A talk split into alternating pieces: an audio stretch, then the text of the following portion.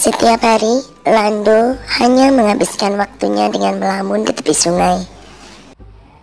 Ah, andai saja semua duriku ini hilang, pasti aku punya banyak teman. Keluh Lando. Ia merasa Tuhan tidak sayang padanya karena ia yang dijauhi oleh teman-temannya. Saat sedang melamun, Kora temannya datang. Kenapa melamun, Lando? Sapa Kora. Ah, tidak kenapa-kenapa kok. Kalau kamu masih punya masalah, aku siap mendengarkannya kok. Jawab Kora. Lando, aku bersedia menjadi sahabatmu, percayalah. Kata Kora sambil tersenyum. Betapa gembiranya hati Lando. Kini ia akhirnya mempunyai teman. Hai Gora, tempurungmu tampak begitu berat. Apa kamu tidak merasa lelah? Tanya Lando. Oh, sama sekali tidak. Justru tempurungku ini sangat berguna. Jawab Kora. Keesokan harinya, Koko si kodok berulang tahun. Semua temannya diundang, termasuk si Lando. Ayo Lando, kamu harus datang ke pesta si Koko. Bujuk Kora. Maaf Gora, sepertinya aku akan memilih tidak datang ke undangan Koko. Aku takut teman-teman yang lain akan menjauhiku karena takut tertusuk duriku. Kata Lando sedih. Jangan cemas, kau tidak datang sendiri kawan. Aku kan juga ikut di sana. Banyak makanan enak dan buah apel. Kata Kora. Mendengar kata apel, Lando langsung merubah keputusannya. Ia antusias untuk ikut ke pesta bersama Kora. Benar saja, pesta yang diadakan oleh Koko sangat meriah.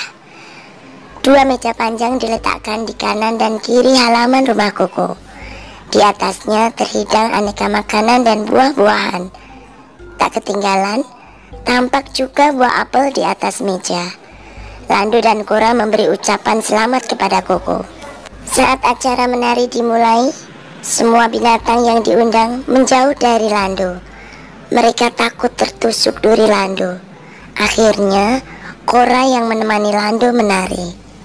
Mendadak pesta meriah yang tengah berlangsung terhenti setelah mendengar teriakan dari Koko si anjing.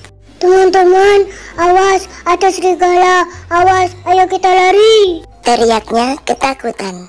Semua binatang menjadi cemas dan ketakutan. Mereka berlarian berusaha menyelamatkan diri. Karena tidak bisa berlari dengan cepat, Kora akhirnya memasukkan kepala dan kakinya ke dalam tempurungnya. Sedangkan Lando segera menggulung tubuhnya menjadi seperti bola. Serigala yang mengejar binatang lain tidak melihat tubuh Lando. Tiba-tiba teriak serigala kesakitan. Kakinya tertusuk duri tajam Lando. Serigala lari sambil terus melolong kesakitan. Berkat duri tajam di tubuh Lando, maka selamatlah semua binatang yang datang ke pesta koko malam itu. Semua binatang bersorak mengeluh-elukan Lando. Lando tersipu malu. Maafkan kami Lando karena selama ini kami menjauhimu padahal kamu tidak pernah menyakiti kami.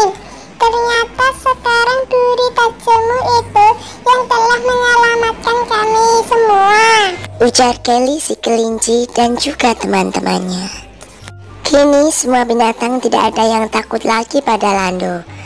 Mereka malah merasa lebih aman jika berada di dekat Lando.